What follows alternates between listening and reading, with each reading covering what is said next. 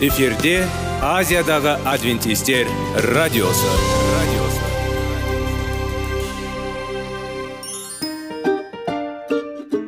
сәлем достар. Денсаулық өмір бұлағы және біздің бірінші байлығымыз демекші денсаулық сағаты рубрикасына қош келдіңіздер. Біздің рубрикада біз әртүрлі факторларменен мәліметтерменен кеңестерменен бөлісіп шын жүректен сіздердің дендеріңіз сау болғанын қалаймыз. Сол үшін біздің рубрикаға қош келдіңіздер. Дайындалып тұрыңыздар. Өйткені келесі минуттарда қызықты фактілерге ие боласыздар. Енді достар ең бірінші байлығымызды қолымызға алып алға кеттік.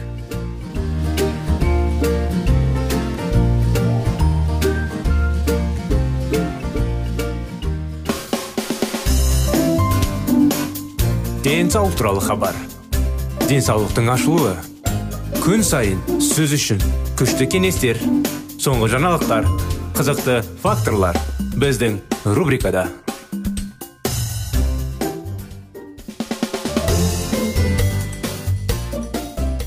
қимыл шынықтырады ұйқы тынықтырады.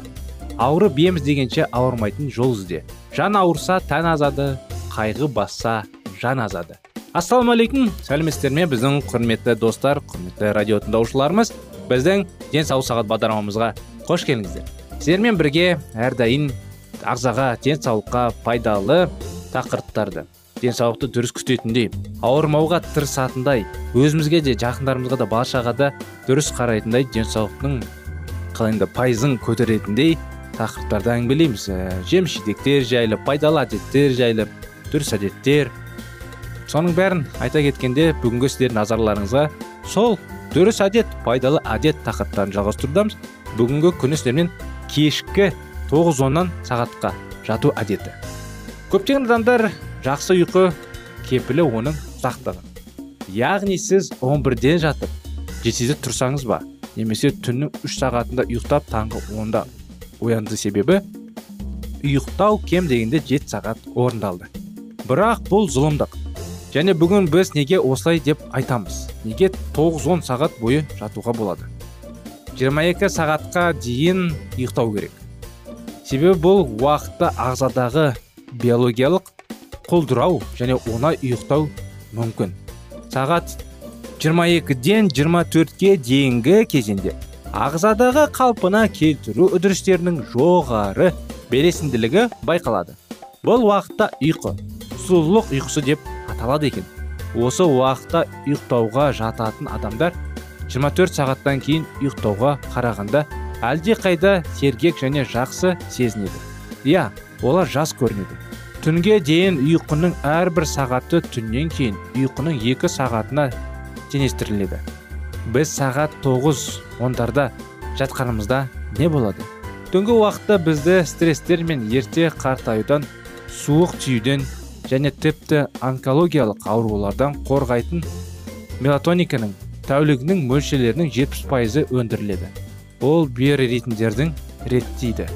Күн мен түннің ауысуына бейімделуге көмектеседі. Жануарлардың қысқы ұйықтауға жібереді және бізді қараңғылықты түскеннен кейін керетуге апарады. Гормонды өндіру түндердің өсе бастайды. Ең жоғарғы нөлден төртке дейінгі жетеді және таң қалдырады. Өйткені ол ең күшті табиғи иммуна модуляторлар мен антиоксиданттардың бірі. Еркін радикалдардың ең күшті сіңіргіш днк жасушалар мен тіндердің бұзып қатерлі ісікі пен жүрек ауруларының дамуына ықпал ететін тұрақсыз молекулалар. Кейінірек жатсаңыз не болады? Кеш жатсаңыз десек те болады. Мелатониндегі өндіру тек ұйқыға ғана емес сонымен қатар басқа да маңызды процестерге де әсер етеді. Ол грелин лептин инсулин өндірісіне яғни адамның тәбетіне және оның майларды сақтау қабілетіне әсер етеді. Осылайша ұйқының жеткіліксіздігі тұтылатын тамағының мөлшеріне әсер етеді және артық салмақтың пайда болуына ықпал етеді. Аштықтың тұрақты сезіміне және азат алмасудың бұзылуына байланысты.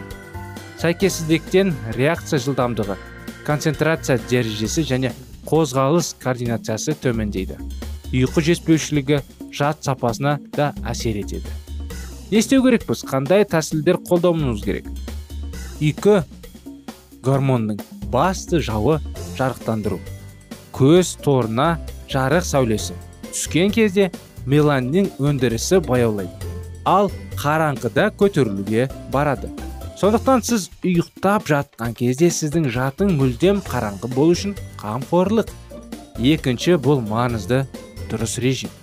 Сіздің денеңізде мелатонин үнемі пайда болу үшін жеткілікті ерте ұйықтаңыз. Энергия минералды заттар және органикалық қосылыстар адам тағамнан алады. Меланин ерекшеліксі емес оның синтезі үшін эпофизге триптофан. Амин қышқылы қажет. Ол тағамда бар. Сондықтан сіздің тағамағыңыз әртүрлі болуын қадағалау өте маңызды. Бірақ кофеден күшті шайдан қатты шайдан десек болады алкогольден және энергетикалық сусындардан қалыс қалу олар ұйқы гормоны табиғи өндірілуінің тежейді және оның деңгейін төмендетеді. Кейбір адамдар кофе ішсе жаңағы ұзақ ұйықтамау үшін кофе ішеді ұзақ ұйықтамау үшін жаңағы энергетикалық напитктер ішеді қара қатты қатты шай ішеді оның бәрі денсаулыққа әрине нашарланып кедергі қылады. Бүгін болмасаң бір күні оның бәрі нашарлықпен шығып өте денсаулықты қатты мазалап дұрыс қатты емделетіндей уақыт келеді. Оның бәріне жетпеу үшін соғұрлым әрине көмектеспейді. Неғұрлым ертерек жатуға тырысу керек. Әрі кеш жатсаңыздар жаңағы нәрселерді қолданбауға тырысыңыздар. Кейбір кеңестерді орындау оңай емес бірақ сіздің ынтаңыз сияқты болады. Толық демалудан кейін әлем жарқын ал эмоциялар толық болады. Тыныш түн және күшті ұйқы. Ұйқы негізінде қатты қысады. Сондықтан дұрыс ұйықтап дұрыс ұйқыңызды қадағалаңыздар. Әсіресе құрметті достар ұйқы ояулы болып жолға шықпаңыздар. Кейбір адамдар дұрыс ұйықтамай жолға шығып кетеді. Дұрыс ұйықтамаған адам жолға шыққан кезде ішіп алкоголь ішіп жолға шыққан адаммен сәйкес келеді екен. Сондықтан абай болыңыздар. Өздеріңізде жақындарыңызда сақтандырыңыздар денсаулықтарыңыз мықты болатындай. Ұйқыны балаларда да мысалы неге онан кейін мысалы ондарда балалар уақыты келді бітті дейді. Балалар ғана ғана емес балалар енді әрине ол уақытта ұйықтаған кезде ұйқылары тәтті болып денсаулықтары жақсы болады. Сол сияқты үлкендер де дұрыс уақытта ұйықтап дұрыс уақытта тұру керек. Осындай кеңестер уақыт жайлы бүгінгі керемет анықтамалар. Осымен бағдарламамыз аяғына келді. Сіздерді құрметті достар келесі бағдарламаға қуана шақырамыз. Келесі жолға дейін сау сәлемет болыңыздар.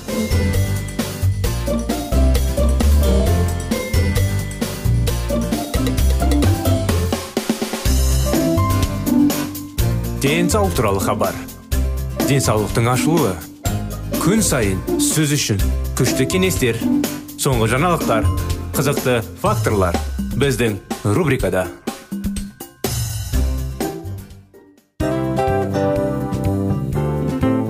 Әуелі байлық денсаулық екінші байлық он саулық үшінші байлық ақ жаулық. Ал енді осындай радио парақшадан кейін не дейміз? Барлықтарыңызға денсаулықтарыңыз зор болсын деп тілейміз. Денсаулықтың өзгеруі кішкентай нәрселерден басталады. Осымен біз берген кеңестер мен мәліметтер шын жүректен сіздер үшін қандай да бір болсын жәрдем берді деп үміттенеміз. Тыңдаушыларымызбен келесі радио парақшасына дейін қоштассамыз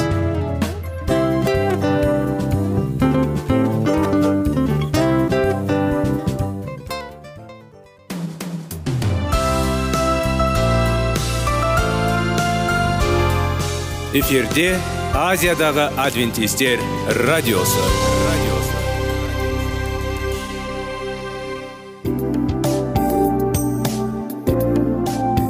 Сәлем достар. Барлықтарыңызға шын жүректен сөйлесейік рубрикасына қош келдіңіздер деп айтпақшымыз. Шын жүректен сөйлесейік бағдарламасы әртүрлі қызықты тақырыптарға арналған. Шындығында шын жүректен сөйлесейік деген сөздің мағынасы екі достың екі адамның ортасындағы шын жүрекпен сөйлесуі бір біріне сенуі ашықтық пен шындықты білдіреді. Сол үшін біздің бағдарламалар әртүрлі қызықты тақырыптарға арналған. Дайындалыңыз жаңа қызықты мәліметтерге ие болуға. Ондай болса кеттік.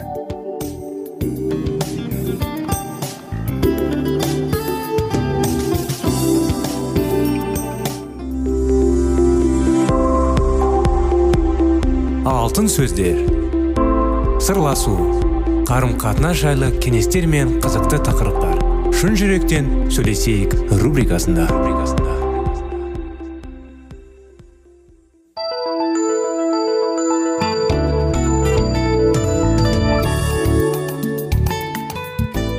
Сәлем достар. Ассалаумағалейкум біздің құрметті радио тыңдаушыларымыз біздің шын жүректен сөйлесейік бағдарламамызға.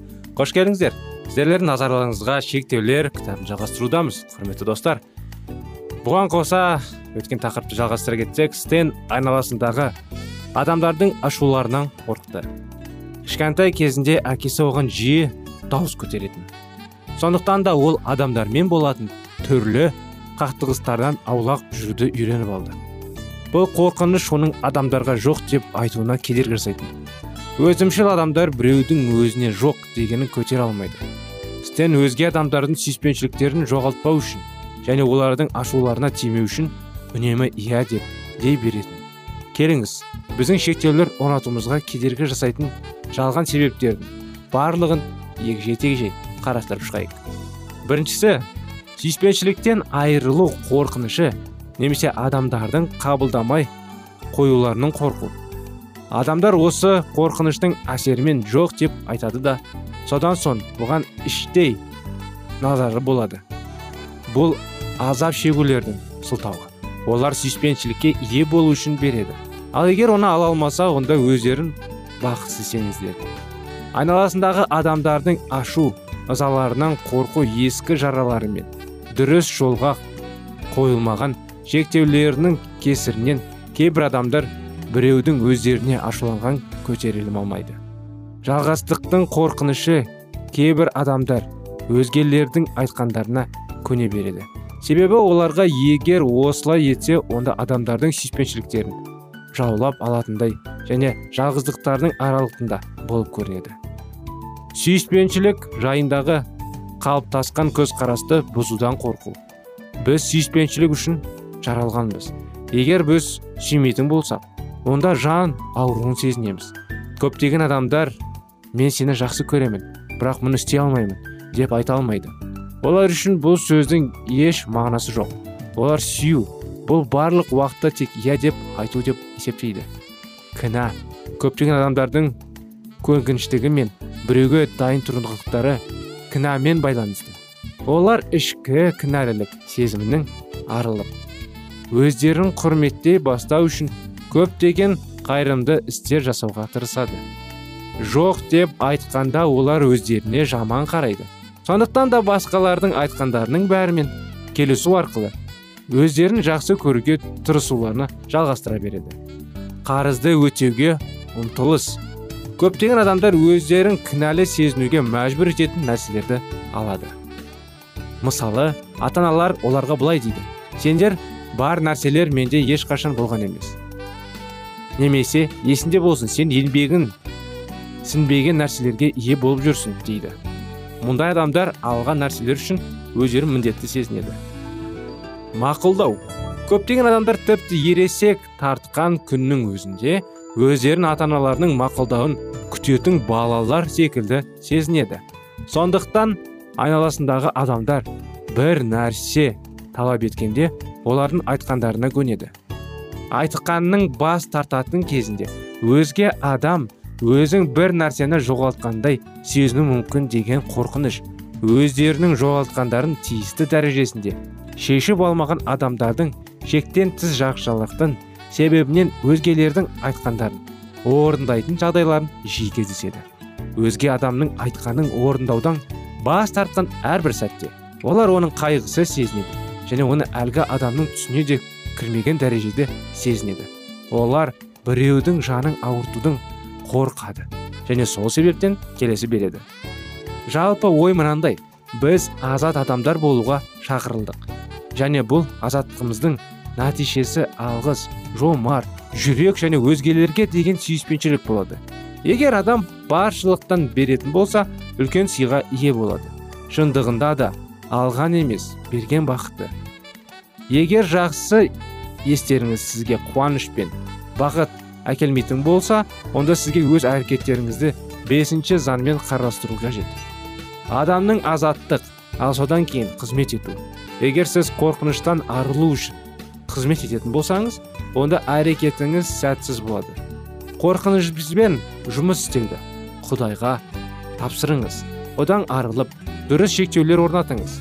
Олар сіздің өзіңізге тиісті азаттығыңызды сақтап қалуыңызға көмектеседі.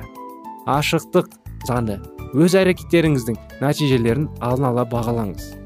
Не істемек екеніңізді айтатын болсам оның ренжіп қалуы мүмкін ғой деп джейсон ол маған жұмысын дұрыс атқара алмай жүрген серіктіксін. Міндеттерінің біразын өз мойнына алғысы келетінін айтқан еді. Мен оған серіктісімен ашық сөйлесуге кеңес бердім. Әрине бұл ол үшін жағымсыз болды дедім мен. Сонымен не? Сіз неден қысылып тұрсыз? Мәселе менің оған жағымсыз нәрсе айтқым келмейтініндей деді ол. Маған осыны айтпай ақ түсіндіруге болады ғой дегенді көзқараспен қарап. Оны ренжіткіңіз келмейтініне сенімдімін дедім мен.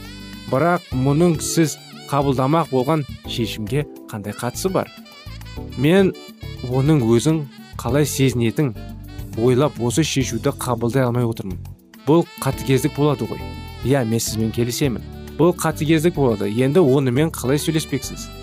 Сіз қазір ғана оған мұны айтатын болсам оны ренжітіп алатынмын және мұның қатыгездік болатынын келісесіз ғой. Жоқ олай дегенім жоқпын деп жауап бердім мен. Мен бұл туралы оның сезімдерін есепке алмай отырып айтудың қаталдық болатынын айттым. Бірақ бұл сіздің қажет деп тапқаныңыз істемеуіңіз керектігін білдірмейді.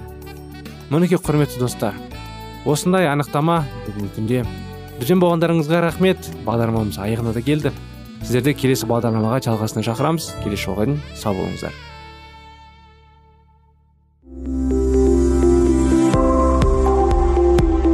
Алтын сөздер. Сырласу. Қарым қатынас жайлы кеңестер мен қызықты тақырыптар. Шын жүректен сөйлесейік рубрикасында.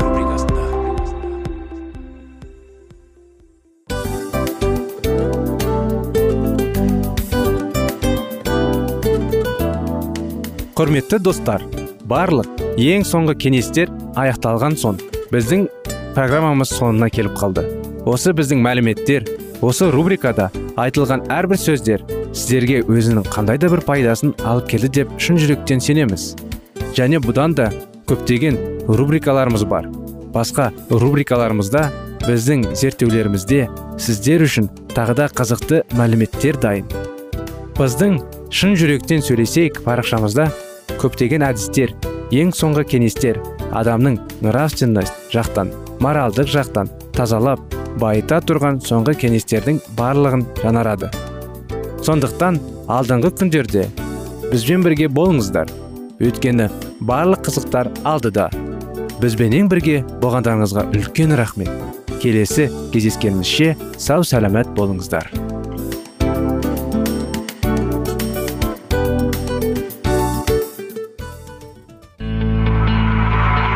Дүниеңді байытқан жүрегіңді жаңғыртқан өмірдің мағынасын ойландырған рухани жаңғыру рубрикасы.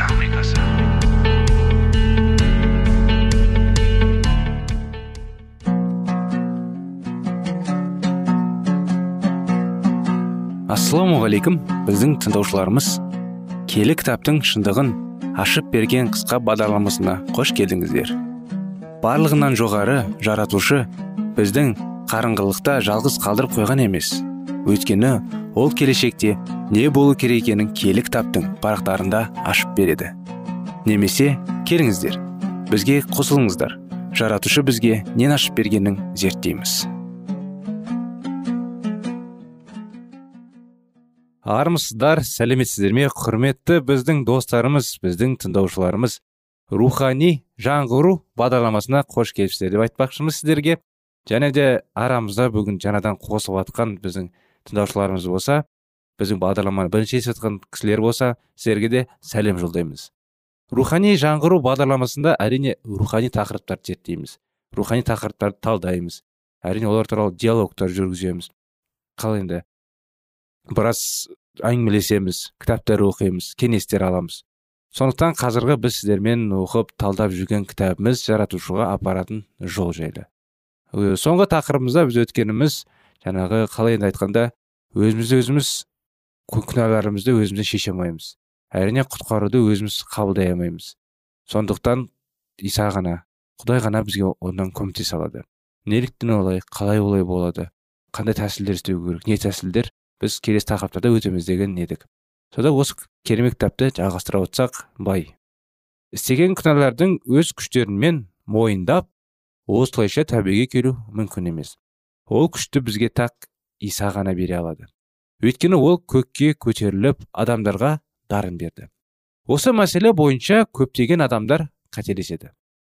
Сондықтан олар исаның бергісі келген көмегін ала алмайды. Олар ең алдымен істеген күнәлары үшін өкініп олардан кейін шегінбейінше исаға келе алмаймыз. Тек тәубеге келгеннен кейін ғана. Күнәнің кешіруге жол ашылады деп есептейді.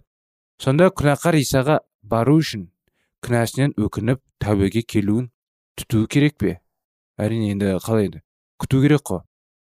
Тәубеге келу құтқарушы мен күнәқардың арасында бөліп тұратын кедергі айналмақ па? Келі кітап күнәқарды өздері масықтың шақыруын қабылдай алатындай дәрежеге жеткенге дейін тәубеге келу керек екенін үйретпейді. Қиналып қатты шаршап шалдыққандар. Еңселерің тым ауыр жүк басқандар.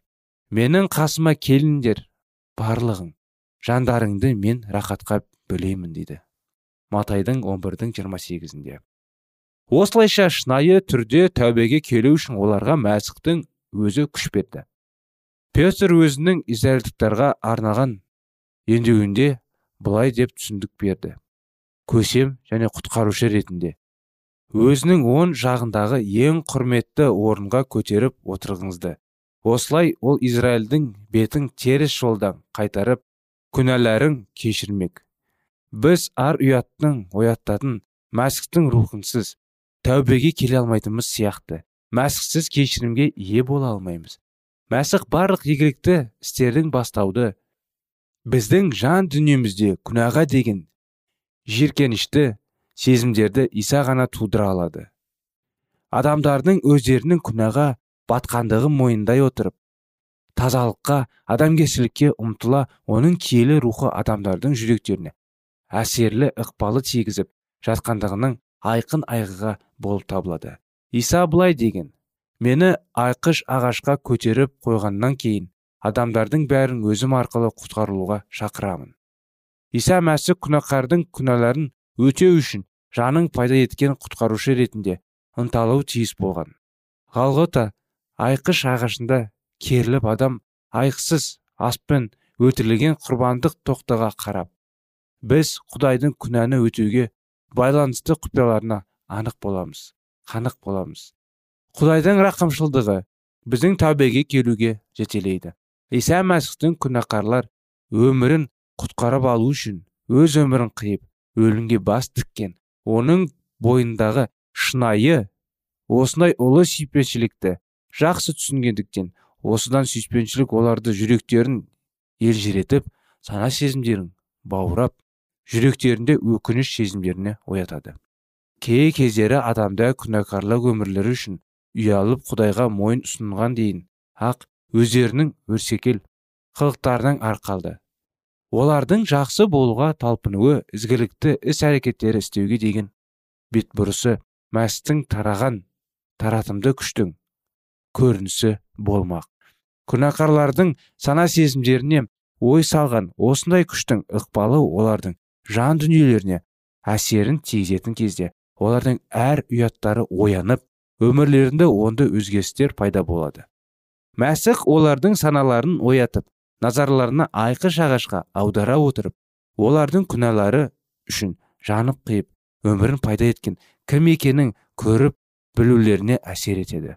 Сол кезде күнәқарлардың алдында құдайдың өсеттері бой көрсетіп өздерінің өткен өмірлерін күнәқарлықпен әдепсіздікпен өткендігіне күнәнің зардабы жүректерінде тамырларына тереңге жиғандағанда көздері жетеді.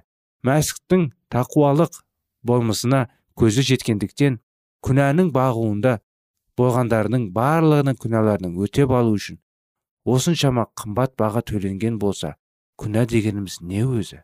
Біздің опат болып қырылып қалмай мәңгілік өмірге ие болуымыз үшін қаншама сүйіспеншілік қайғы қасіретпен азап шегу қорлау қажет болу десеңізші деп таңданды күнәқарлар. Күнәқарлар өздерін иса мәсіхке тартып тұратын осындай сүйіспеншілікке тартымдылық күшке қарсы тұру мүмкін. Ал егер қарсы тұрмайтындар болса олар құтқарушылық жоспарын танытып білген соң құдайдың аса сүйікті рухани ұлына соншама азап шектерген күнәлары үшін өкініп тәубеге келу үшін айқын ағаштың жанына келеді. Табиғат әлемін асқан көрмендікпен жаратқан құдіретті күшті құдай адамдарға назарын салып олардың жүректерін шөліктіретеді ал оның қасиетті рухы адамдарды бейбітшіліктің кәусар болуға тыныштылықты негізі исаның рақымы іздеуге шақырады. Біздің құтқарушымыз көзге көрінетін және көрінбейтін әсерлер арқылы адамдарды күнәға батыратын ләззаттандыратын кейін шегіндіріп олардың бар ниеттерін баға етпес сансыз игіліктерін бөле алатын өзіне құтқарушыға қарай аударуға тырысады. Жаны саусаға әркім сыйлық ретінде шынайы өмірдің сауын қабылдасын. Деген құдайдың ізгі хабары осы әлемнің қайраған сауаттарының шөлдерін қандығысы келіп босқа әуре арсанға болысып жүрген барша жандарға арналған. Әр адамға біздің құдіретті құдай кешірімін сыйлағысы келеді. Енді әрине көптеген адамдар түсінбей бірақ кеш болсын ерте болсын бір күні болса да құдайдың алдына келеді тізе бүгіп жүрегі ашып неліктен? Өйткені барлық махаббат өмірдің мағынасы әрине. Құдайда әрине қиыншылықтың бәрін құдай ғана көмектесе алады сондықтан достар мінекей бағдарламаның аяғына келіп қалдық маңызды қасиеттерді келесі жолы зерттеп талдап сіздермен бірге оқып өтеміз. Сондықтан бірге бізбен бірге болғандарыңызға рахмет үлкен сау саламатты болыңыздар.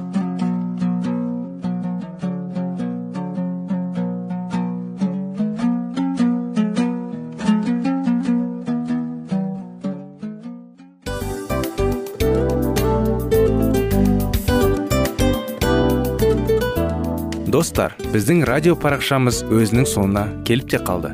Демек бұл программамыздың қорытындысын айта кету керек. Негізі істің басталып жатқанын қуанту керек пе? Әлде оның қорытындысы қуанту керек пе? Сіздер қалай ойлайсыздар? Меніңше қорытындысы деп ойлаймын. Себебі жасаған ісінің жемісін көріп қорытынды арқылы бағалап жүрегін қуантады. Баяғыда айтқандай бидайды сепкенде емес бидайдың жемісін жинаған кейін ыстық нанды жегенде кәдімгідей рахаттанасың ғой.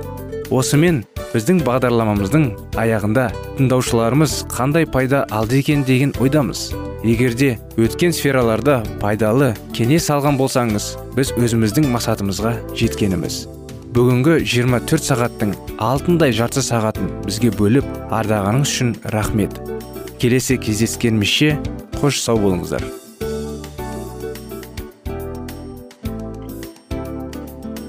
Достар біздің бағдарлама бойынша сұрақтарыңыз болса әрине сіздерге керекті анықтама керек болса біздің whatsapp нөмірімізге хабарлассаңыздар болады. Плюс бір үш жүз бір жеті жүз алпыс алпыс жетпіс.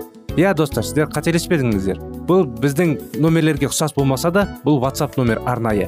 Хабарласыңыздар сұрақтарыңызды қойып тұрыңыздар анықтаманы алып тұрыңыздар. Плюс бір үш жүз бір жеті жүз алпыс алпыс жетпіс whatsapp номері.